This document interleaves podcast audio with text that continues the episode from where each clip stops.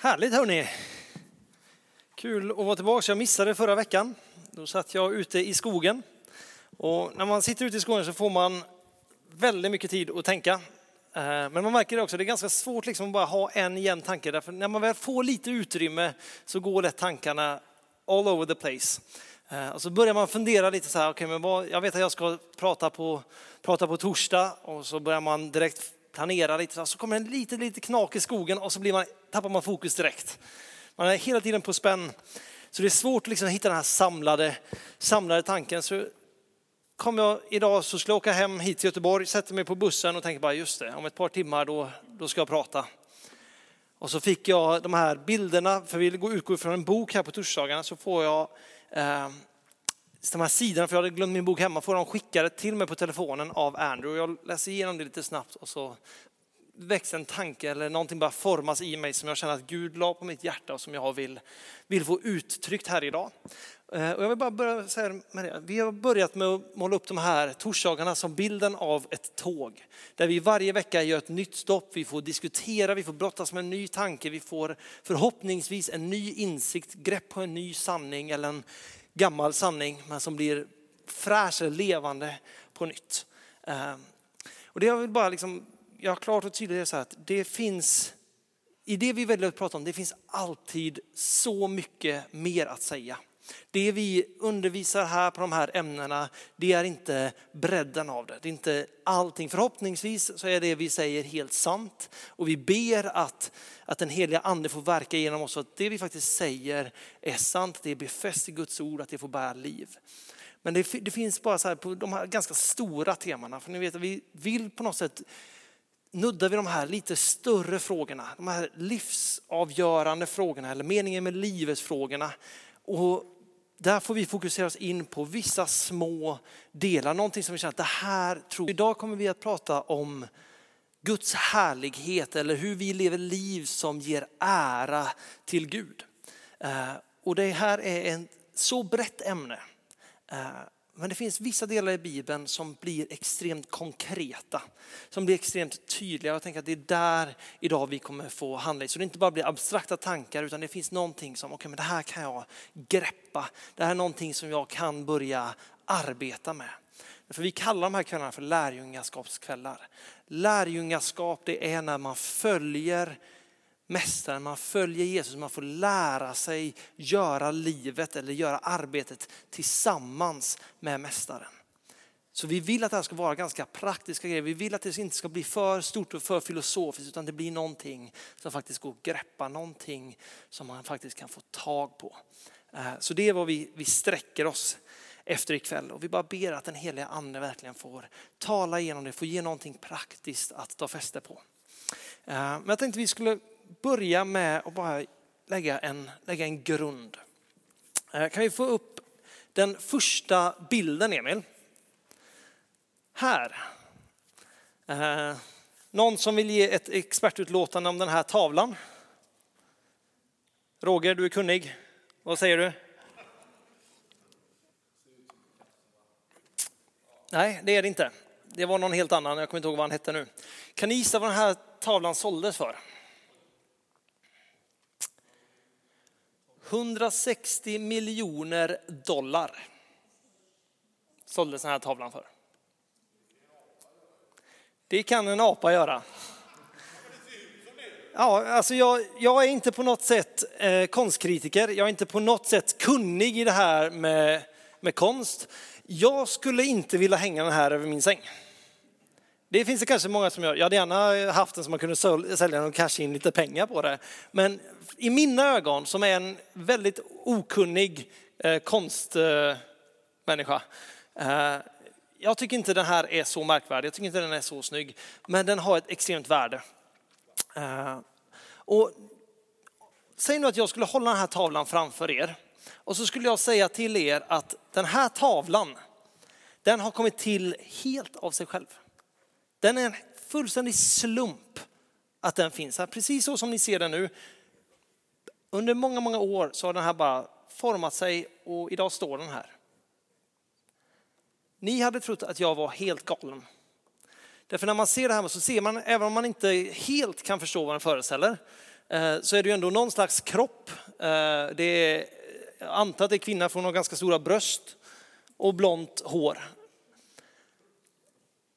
Det, det finns någonting här som vårt intellekt säger direkt att det är någon som har haft en tanke bakom den här.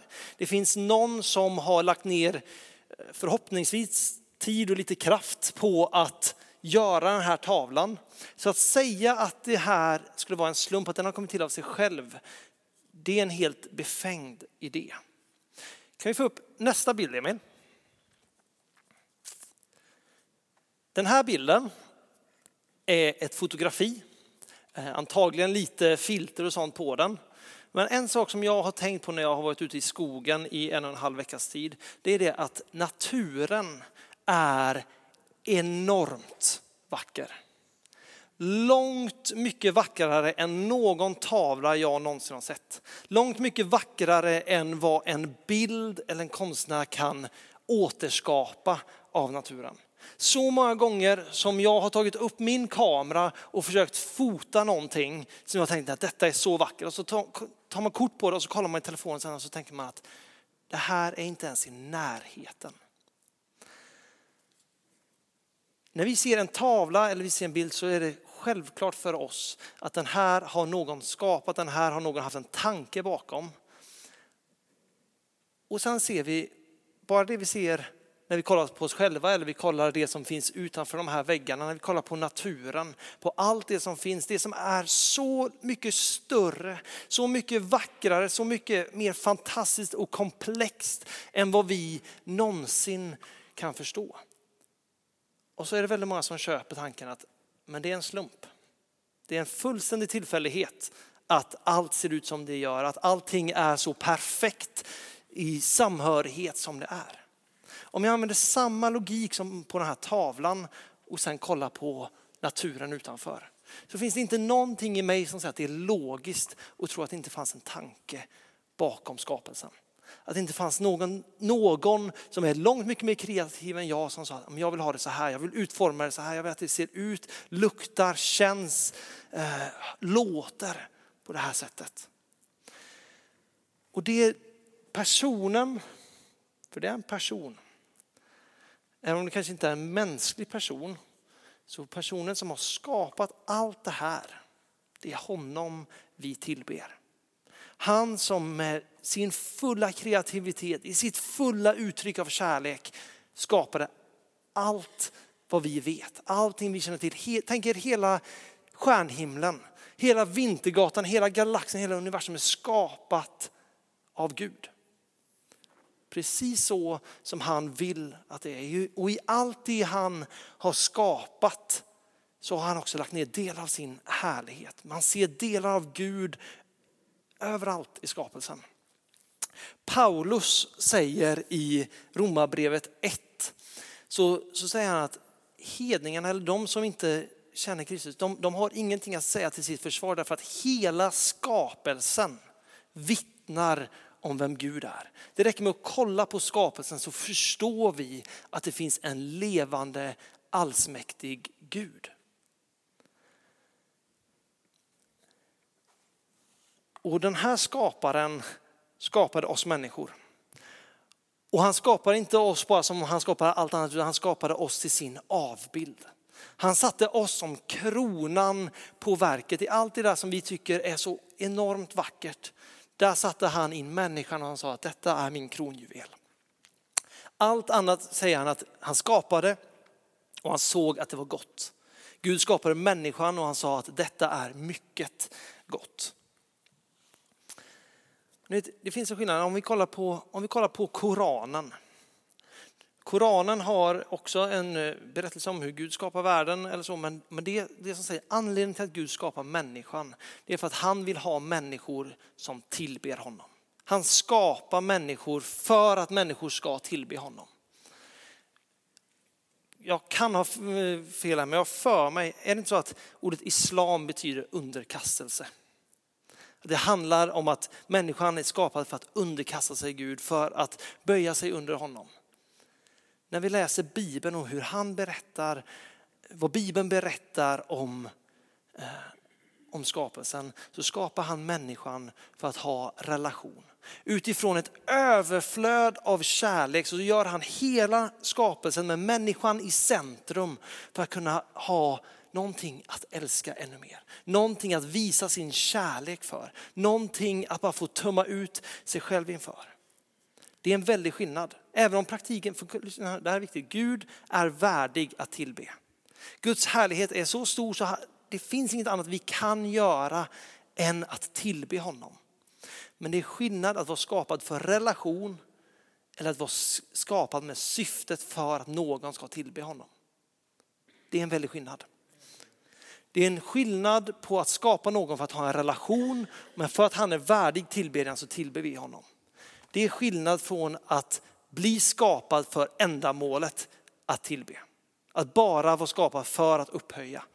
Men vi är skapade för att ha en relation, för att han, vi är önskade. Inte för att Gud ska bara sitta där och ta emot vår lovsång, ta emot vårt pris, utan för att han vill ha en relation med oss. Det är fokuset som skiljer. Gud skapade oss som kronjuvelen för att han ska kunna älska oss. För att vi ska kunna älska honom tillbaka så att vi tillsammans ska höra ihop. Det står så här i Lukas 19. Ska vi se 1932.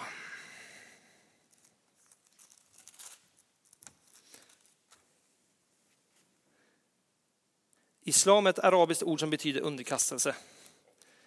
Eh, den som underkastar sig. En muslim är alltså en person som säger sig lyda, många betraktar islam som en enkel lättbegriplig religion. Mm. Ja men det är bra, då stämmer det jag har sagt. Ehm, mm, mm.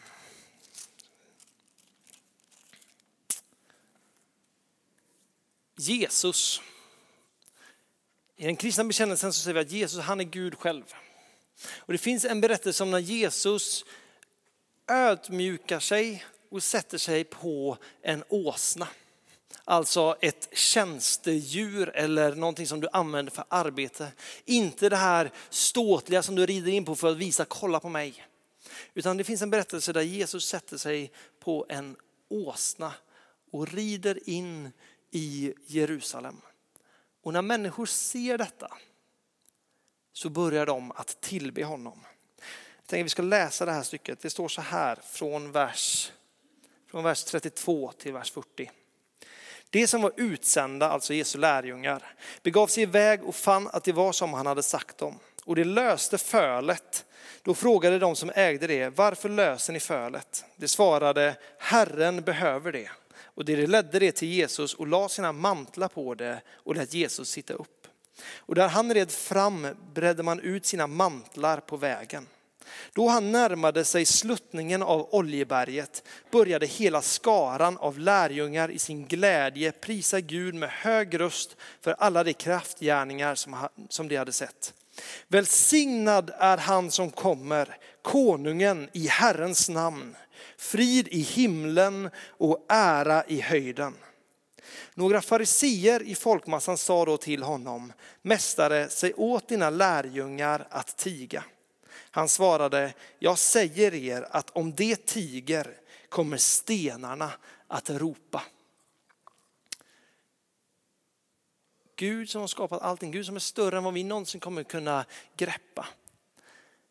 Han skapar inte oss bara för att vi ska tillbe honom, men han är värd att tillbe. Efter att ha mött med Gud, efter att ha mött Jesus så finns det inget annat vi kan göra än att tillbe honom för vem han är.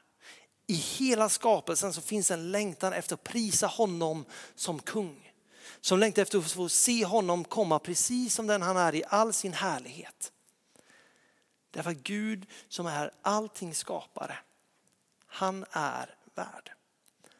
Och kollar vi på den här första tavlan som vi, som vi såg, vi behöver inte lägga upp den igen, eh, men ni kommer ihåg den. Tjejen med det blonda håret. Jag tror inte att den här tavlan såldes för så här mycket för att någon tyckte att det här är den snyggaste tavla jag har sett. Tavlor säljer oftast för konstnärens skull. För vad konstnären är känd för. Värdet stiger när det är någon som är väldigt känd som har målat den. Om jag skulle måla en tavla som såg nästan likadan ut, så skulle inte den gå för så mycket pengar. Det har gjorts enorma mängder av förfalskningar på den här tavlan. Det är klart att de är värda lite pengar men det går inte att jämföra med pengarna av den riktiga eh, konstnären. Gud som har skapat allting. Han är värd vår ära. Han är värd att vi ger våra liv, allt vi är till honom bara för att få ha en relation med honom. Därför att han är värd det. Jag tror att, som, som sa, alla som har mött med Jesus vet att han är värd. Han är värd att tillbe. Där, där människor mötte Jesus i Bibeln så ser vi om och om igen att Jesus, han var en fattig man. Jesus han föddes i en krubba, han hade inte ens ett hus eh, att födas i. Eh, han kom inte med en stor auktoritet given av människor. Han kom inte med pengar och, och pampa och ståt. Men de som mötte honom kunde inte sluta fascineras av honom. De sa att när han talar så är det någonting med hans ord som vi aldrig har hört tidigare. De under och tecken han gör, det måste vara ifrån Gud. Alla människor som mötte Jesus, antingen så älskar man honom eller så blir man förnärmad av honom. Och de som blir förnärmade av honom, det är där, de inser att han har någonting som vi inte har. Människor lyssnar till honom, människor följer honom och mitt ego klarar inte av att ta det. Men det finns en sån attraktionskraft i Jesus. Och då är inte ens Jesus i sin fulla härlighet utan han går som människa.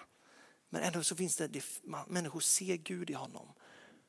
Och människor som inte känner Jesus lägger ut sina mantlar när han kommer gående. De tar kvistar och de viftar och de ropar ära till Gud i höjden. Därför de ser för ett ögonblick vem Jesus är. De förstår på något sätt vem han är.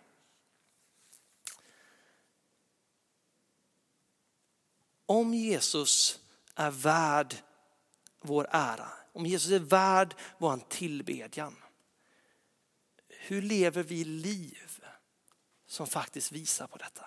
Hur, hur ger jag mitt liv, eller hur lever jag mitt liv som säger Jesus, du är värd. För det är det, om, vi, om vi bara kollar på vad Jesus har gjort. Bara snabbt bara zoomar ut och bara tar det mest konkreta. Gud, skaparen av allting som skapar människan för att ha relation med honom. Människan vänder sig bort ifrån Gud. Gud älskar människan så mycket så han bestämmer sig att jag kommer bli människa jag kommer växa upp, jag kommer att hånas, jag kommer att hatas, jag kommer att pryglas, jag kommer att dö uppspikad på ett kors för de här människornas skull.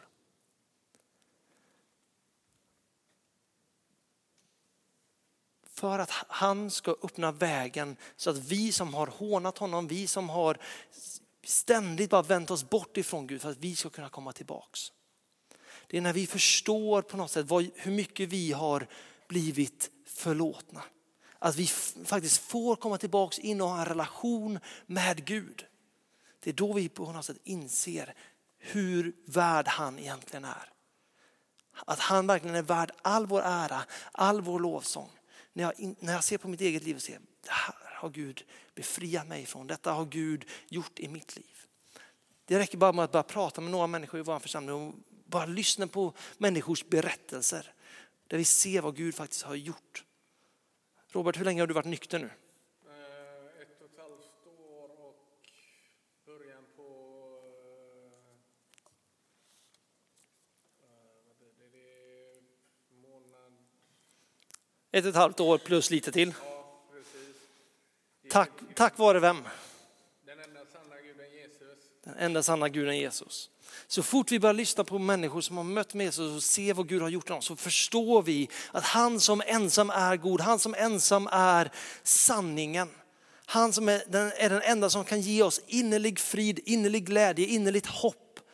Han är värd att lova, han är värd att prisa, han är värd att ge allt jag har bara för att få en liten bit av honom. Det finns en berättelse i Bibeln om en, om en man som Eh, eh går ut och på en åker så hittar han en, en skatt. Och han säljer allt han äger och har. Bara för att kunna köpa den här åken för att vinna skatten. Samma sak, det här är en liknelse av Guds rike. Detta är en liknelse för oss att Jesus, när vi får tag på honom, när vi förstår vem han är, så inser vi att han är den enda som faktiskt är värd att ta tag på. Allt det andra i jämförelse kan kvitta. Bara jag får tag på Jesus.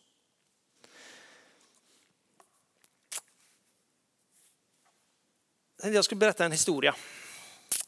Eh, inte från mitt liv så ni behöver inte vara oroliga. Eh, det var så här att det var en, en arbetsplats, en stor eh, byggnadsarbetsplats. Där de märkte att vi håller på att bli av med väldigt mycket verktyg. Det är väldigt många arbetare som måste smyga med sig verktyg hem. Eller de lånar hem det och, eh, och aldrig lämnar tillbaka det. Så de som äger det här företaget de bestämde sig, vi sätter en vakt vid grinden till den här byggnadsarbetsplatsen. Och varje dag så skulle han se till så att ingen gick hem med verktyg. Och han genomsökte människor och såg till så att ingen tog med sig borrar och skruvmejslar och svetsar och allt möjligt hem. Så kommer det en man och han kommer, han kommer gåendes på en, med en skottkärra full med jord. Och den här vakten kollar på honom och säger upp, upp, upp. Vad har du i skottkärran? Den här killen säger jag har, jag har, bara, en, jag har bara en skottkärra med jord. Bara, Vad har du gömt i jorden? Jag har inte gömt någonting i jorden, du, du får söka igenom den. Så den här mannen börjar gräva, han tänker det måste ligga verktyg här i. Så han gräver igenom hela den här skottkärran full med jord. Det fanns inga verktyg där. Så han sa okej, okay, jord, jord får du ta med dig. Så mannen går iväg med den här skottkärran med jord och samma sak händer nästa dag. Samma man kommer med en ny skottkärra full med jord och den här vakten säger upp, den här gången måste det finnas någonting mer. Så han söker igenom hela den här skottkärran full av jord. Hittar ingenting. Förstår ingenting. Så han, ja, du får gå vidare. Samma sak händer den tredje dagen. Skottkärra med jord. Han söker igenom och han börjar bli mer och mer frustrerad. För han vet att det är någonting här som inte står rätt till. Men han tar ju bara jord. Vad är det som händer? Så han släpper igenom honom. Och det här pågår vecka efter vecka efter vecka. Och den här säkerhetsvakten, han är gammal så han ska precis pensionera sig. Så på hans sista arbetsdag kommer samma man med skottkärran full av jord. Och då stoppar han honom för sista gången och säger han att jag slutar nu. Berätta för mig. Jag kommer inte berätta för någon, jag kommer bara låta det vara för det här är min sista dag. Men berätta för mig, varför kommer du varje dag med den här skottkärran full av jord? Då lutar sig den här mannen med skottkärran fram och så viskar han till honom. I flera månaders tid har jag snott skottkärror från det här stället. Helt obvious, helt självklart på något sätt. Varje dag kom han gåendes med skottkärran, en ny skottkärra varje dag, full med jord. Det enda den här vakten tänker på är var, vad ska han med all jord till? Och så under hans näsa så har de här skottkärrorna bara åkt ut. Det är så lätt för oss att fokusera in på en sak, vilket gör att vi tappar det stora perspektivet. Det som egentligen är självklart. Det, det går bara rakt under näsan på oss eller rakt över huvudet. Och det finns en sak som är så tydligt när vi ser i Bibeln, men som har blivit väldigt förminskat i den kristna traditionen. Därför vi, vi har så mycket fokus på min andliga resa med Gud. Hur jag ska spendera mycket tid i bön så att jag lär mig höra Gud. Jag ska spendera mycket tid med att läsa min bibel så att jag får hans tankar. Jag spenderar mycket tid med att, med att sjunga till honom. Och hela tiden så tänker jag, vart är jag med Gud? Hur ser min relation ut med Gud? Vad, vad hände i min resa med Gud? Och allt det där är bra. Vi ska be, vi ska läsa Bibeln, vi ska tillbe honom, vi ska sjunga till honom. Bibeln är väldigt tydlig med det förresten, att sjunga till Guds ära. Genom hela Bibeln så sjunger människor till Guds ära. Änglarna i himlen sjunger till Guds ära. Men Jesus, han är extremt radikal. Därför när han talar om att ära Gud, när han talar om att tjäna Jesus, så talar han hela tiden om våra medmänniskor. Hela tiden så vänder han sig om och säger fokusera på din nästa. Det första budet är älska Gud av hela ditt hjärta, av hela din kraft, hela ditt förstånd, hela din ande. Andra budet, över alla andra bud, förutom det första, älska din nästa som dig själv. Vi blir så fokuserade på att hela tiden bara kolla in på oss själva, se hur är mitt andliga tillstånd? Så vi glömmer personen som står bredvid oss. Sen så kollar vi gamla testamentet så ser vi till 98 procent ska jag gissa på, är det en berättelse om Israels folk. Det är en lång berättelse om Israels folk och vi ska se hur det börjar. Vi kan gå till eh, första Moseboken 12, vers 1 till 3. Abraham, det är Israels stamfader, den första, han som får löftet om hela Israels folk. Och i det löftet så står det så här. Herren sa till Abraham, som han då hette, gå ut ur ditt land och från din släkt och din fars hus och bege dig till det land som jag ska visa dig.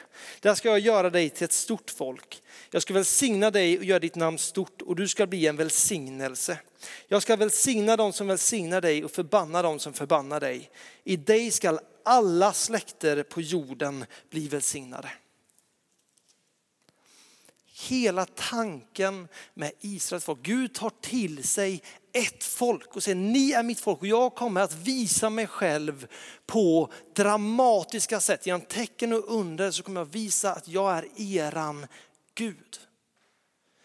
Men genom mitt folk ska resten av världen bli välsignade. Genom er så ska alla nationer se att jag är den enda sanna levande guden. Det var deras uppdrag. Deras uppdrag är först och främst tillbe Gud, vara, som, vara, vara ett med Gud. Och genom att de är det så ska de bli till välsignelse för andra. Sen har vi genom hela gamla testamentet så ser vi trasiga människor som hela tiden försöker och så faller de, försöker och faller de och så blir det kaos och det blir väldigt svårt för andra nationer att se vem Gud är.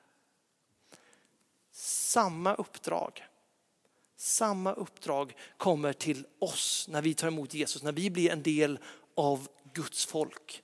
Så blir uppdraget att visa, vara en välsignelse för andra människor, visa de andra hur det ser ut när man följer Jesus. Att gå med Jesus, det kommer ta sig ett uttryck. Jag tänker vi ska ta ett par bibelord här bara för att visa på något sätt hur radikal Jesus är. Kan jag gå till Matteus 5, vers 38 och framåt.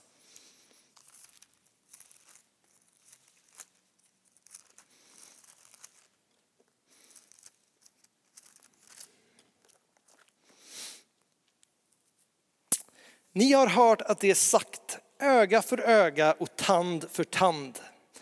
Jag säger er, stå inte emot den som är ond, utan om någon slår dig på högra kinden så vänd också den andra åt honom. Om någon vill ställa dig inför rätta och ta din livklädnad, så låt honom få din mantel också. Om någon tvingar dig att gå med en mil, gå två mil med honom. Ge åt den som ber dig och vänd dig inte bort från den som vill låna av dig. Ni har hört att er sagt, du skall älska din näste och hata din ovän. Jag säger er, älska era ovänner och be för dem som förföljer er. Då är ni er himmelske faders barn. Han låter sin sol gå upp över onda och goda och låter det regna över, det, över rättfärdiga och orättfärdiga. Ty om ni älskar dem som älskar er, vilken lön får ni för det? Gör inte publikaner, alltså syndare, det också? Om ni hälsar endast på era bröder, vad gör ni för märkvärdigt med det? Gör inte hedningarna det också? Var alltså fullkomlig så som er fader i himlen är fullkomlig. Vi kan gå till Markus, nej vi går till Matteus 25. Gör vi.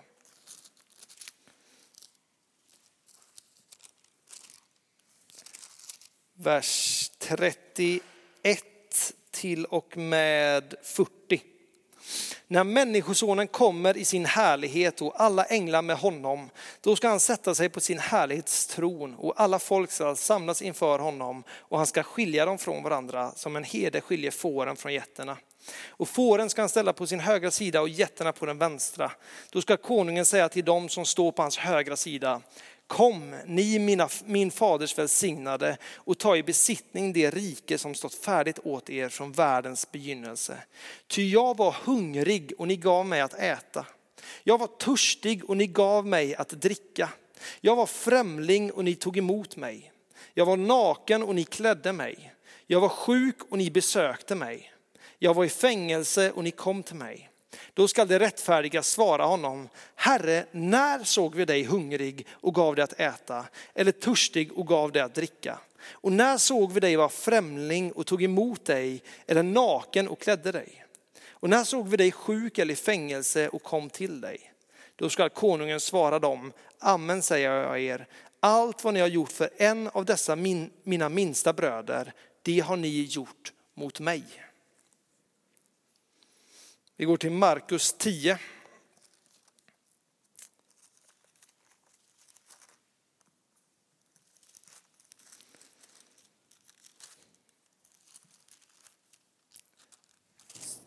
Står det så här från och med vers 42.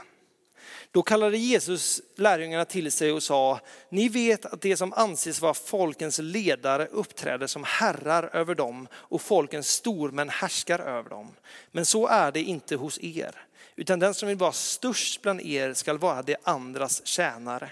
Och den som vill vara främst bland er skall vara allas slav.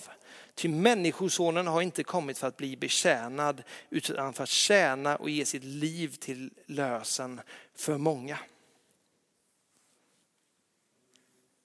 Det här är radikala ord. Det här är inte någonting som man bara känner att det här landar jättegott. Ja, det här är jag sugen på. Älska sin vän är en sak. Älska personer som snackar skit bakom ryggen på en, eller som sprider ut falska rykten om en. Det är något helt annat. Att låna ut pengar till någon som man vet att den här personen kommer aldrig ha råd att betala mig tillbaks. Att när någon säger, kan inte du bara följa med mig en mil på vägen? Och istället utan att säga någonting bara gå med två. Det finns någonting som är så radikalt hos Jesus och det är kärlek. Det är självutgivande kärlek som tar sig ett uttryck rent konkret i att jag gör någonting för min nästa. Jag gör någonting för en annan person. Jesus säger att den som Hälsa på någon på sjukhuset har hälsat på mig på sjukhuset. Den som ger mig att äta när jag är, den som ger någon att äta när den personen är hungrig, ger mig någonting att äta när jag är hungrig. Det är radikala ord. Jesus eh, talar till, till Petrus och säger att Petrus, du är klippan. Du är den som jag ska bygga hela min kyrka på. Petrus är den, när vi läser i, i Bibeln, förutom möjligtvis Thomas tvivlaren, så är han en av de som hela tiden pendlar fram och tillbaks. Han är 100% på och sen förnekar han Jesus. Han vill fram och han, han bekänner Jesus och han är med på förklaringsberget. Han ser Jesus i sin fulla härlighet och han förnekar Jesus. Jesus säger, du är klippan som jag ska bygga allt, min, hela min kyrka på dig. Jesus ser vad som ligger i Petrus. Och Jesus kallar oss till att göra samma sak. Därför att om Gud har skapat människor, då innebär det att det finns någonting av Gud i alla människor hur jobbig och irriterande eller tråkig en annan person än kan vara, så är den personen skapad i Guds avbild. Den personen är skapad för att ha en relation med Gud. Och får vi bara se det, får vi se guldet. Och jag menar inte att det kommer manifestera sig, visa sig att ja men kolla här, det här har Gud lagt ner mig. För det finns människor som jag kan störa mig på till tusen som verkligen kan gå på mina nerver och jag bara känner, jag behöver gå härifrån. Det har förekommit sådana människor. Gud har skapat de människorna. Gud har lagt ner gåvor i de människorna. Gud längtar efter att ha en relation med de människorna. Och det är när vi ser värdet hos andra, Och när vi börjar leva självuttömmande liv, när vi lever för andra, när vi älskar andra, även om de inte älskar oss tillbaka, men om jag älskar dem för att de tillhör Gud. Om jag älskar dem för att de är skapade i Guds avbild. Om jag älskar dem därför att jag vet att Jesus dog för den personen. Vare sig den personen tror på det eller inte. Så lever vi till Guds ära. Vi lever till Guds ära när vi älskar andra människor. Därför att det står i Bibeln att vi kan älska därför att Gud först älskade oss. Det står i Romarbrevet, ska se här, det står i Romarbrevet 5.8. Slå upp det snabbt. Bra vers.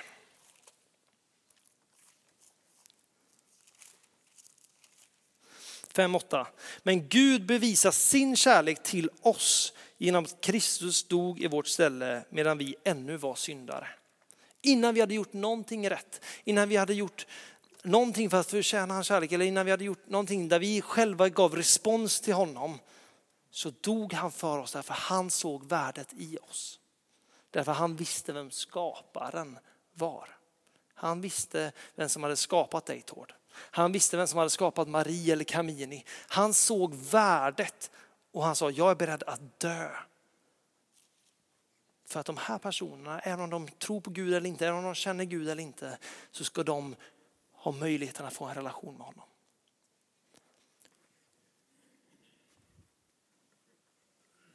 Vårat kall är att bli mer och mer lika Jesus.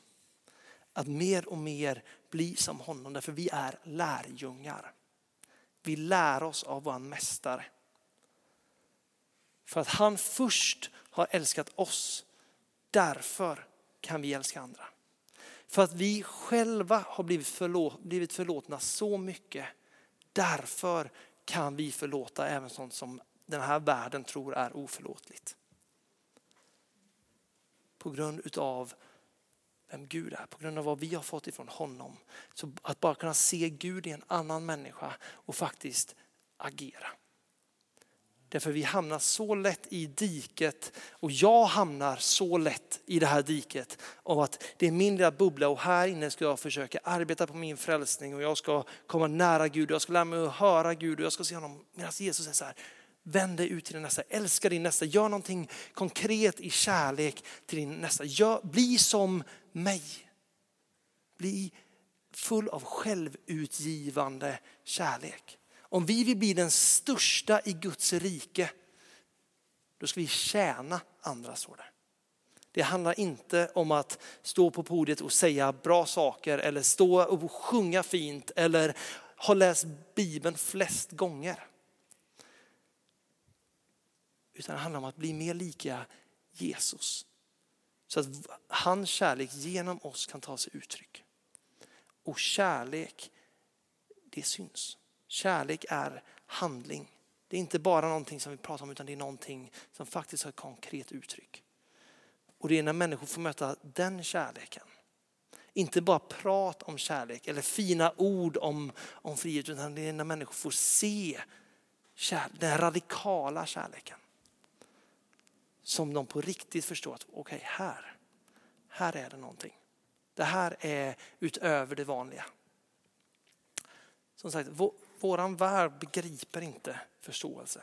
Varför ska jag förlåta dem som har gjort mig så ont? Om jag har varit mobbad, varför ska jag förlåta dem? Men när de får se någon som har varit i den sitsen faktiskt säga, jag förlåter. Därför jag har själv blivit förlåten. Det är så rent, det är så heligt, det är så Kristuslikt, det är så fullt av Gud att människor kommer att se honom. Judarna de kallar sig själva för Abrahams barn. Vi kallar oss själva för Guds barn. Att vara lika honom. Att avspegla honom. Kristen tro handlar inte om min in, om, handlar inte enbart, ska jag säga, för det är viktigt, handlar inte enbart om min inre, inre resa. Utan Jesus är mer radikal utåt. Så nu, jag talar inte nu om Jag talar inte om frälsning nu. Jag talar inte om vad det är som är frälsningsavgörande. Utan det jag talar om, om Gud är värd att äras. Om han som har skapat allting och han som är så mycket större. Om han är värd att tillbe, hur lever jag ut ett liv i tillbedjan? För Jesus är en väldigt stor del av det att älska andra människor. Att göra kanske det som ingen annan är beredd att göra. Och Jesus säger att om ni gör det mot dem så är det lika med att ni har gjort det mot mig. För bara ett par veckor sedan, tror jag, när jag sist gången jag predikade tror jag var, så sa jag att det finns ett bibelord där det säger att om du bara ger någon ett glas vatten så är den personen värd sin lön i, i himmelen. Om någon ger ett glas vatten, tänk den här, nu är det här visserligen kaffe, men om jag skulle ge Tor den här kaffekoppen för att jag känner att han är värd en kopp kaffe. Så är jag värd min lön enligt Bibeln. Nu får inte du det här för jag är förkyld och har druckit ur den. Så för din skull så slipper du. Bibeln är konkret. Kärlek är konkret. Att leva som Jesus levde, det blir konkret. Men det handlar om att se guldet redan innan det manifesterar sig på ytan. Redan innan jag ser spår av det i en annan människas liv. Så veta att den här personen är skapad, älskad och önskad av Gud själv. Då är det värt att jag går den extra milen. Då är det värt att jag gör någonting extra för att visa den här personen att du är faktiskt värd någonting. Det finns ett värde i vem du är. Hur trasig du är, hur dryg du än är, hur jobbig du än är. Så ligger ditt värde i att Jesus har, Gud själv har skapat dig och Jesus var beredd att dö för dig. Och genom att faktiskt göra detta. Och vi gör detta därför att Gud först har älskat oss. Jag förlåter därför att Gud först har förlåtit mig. Det, jag lovar, det finns saker som är så svåra. Det finns ingenting som är oförlåtligt. Men det finns sådana saker som är så svåra att förlåta så det är bara genom Guds kraft som vi kan göra det. Stefanus, den första martyren, han blir stenad och han säger Gud förlåt dem för de vet inte vad de gör. Deras sinnen eller deras bild är så perverterade, så trasig så de förstår inte bredden, höjden, djupet av vad det är de gör. Så förlåt dem. Samma sak säger Jesus över de som korsfäster honom. Förlåt dem därför de förstår inte vad de gör. Så ser jag på mitt liv, det är lilla som jag, som har gjorts mot mig. Där jag blir sur, där jag känner mig förnärmad, där jag känner att jag har ingenting. Eh, de, de ska inte ha någonting med mig att göra längre. Det är ingenting. Men när vi förstår att de har inte upplevt Guds kärlek. De har inte fått sinnet upplyst om man säger så. Och även om de har fått det så vet vi att vi alla gör misstag. Vi alla gör bort oss. Men om jag har blivit förlåten för det jag har gjort. Om Jesus kunde förlåta dem som spikade upp honom på ett kors. Stefanus kunde förlåta dem som stenade honom till döds. De ser Gud i människor. Och när de ser Gud i människor då säger han, Gud förlåt dem därför de vet inte vad de gör. De är värda att jag gör någonting extra för dem. En relation med Jesus tar ett uttryck. Det blir konkret. Jag tänker vi, vi slutar där och så, så ber vi tillsammans. Jesus, jag tackar dig för, för vad du har gjort för oss. Jag tackar dig för att det är större än vad vi någonsin kommer kunna begripa. Jag tackar dig för att det är Ah, går så mycket djupare än vad vi någonsin kommer kunna förstå. Jesus, jag ber dig, hjälp oss att älska andra människor. Herre, jag ber om en andlig lins till att se guldet i människor. Att se det som du har lagt ner i människor, det du har skapat människor för. Hela vi ber om en, vi ber om en profetisk lins. När vi ser på andra människor så får vi se dig i dem. Så vi får älska dem Jesus, när vi ser det som världen inte ser, när vi ser det som de själva kanske inte ser. Herre, jag ber att du får ge oss sinnets förnyelse. Nya tankar, nya perspektiv, nya synsätt. Men först och främst Jesus, låt oss se dig. Låt oss se dig. Låt oss förstå hur älskade vi är.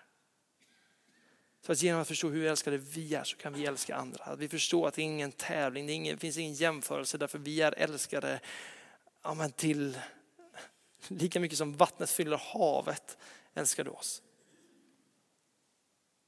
Lika långt som norr är ifrån söder. Så helande vi bara ber dig, kom och rör vid våra hjärtan. Visa oss vad ett liv som ärar dig är. När vi blir mer och mer lika dig. Ja Jesus, vi kommer göra misstag på vägen, vi kommer falla på vägen. Men Jesus, jag tackar dig för att det är alltid, att din nåd är ny varje morgon. Så vi bara ber dig, forma våra hjärtan, forma våra tankar. Så här förstå vad kärlek verkligen handlar om. Lär oss att älska Jesus. Hjälp oss att bli konkreta, hjälp oss att inte bara hålla det diffust för oss själva Herre. Utan hjälp oss att vara en välsignelse för andra människor. Mm. I Jesu namn. Amen.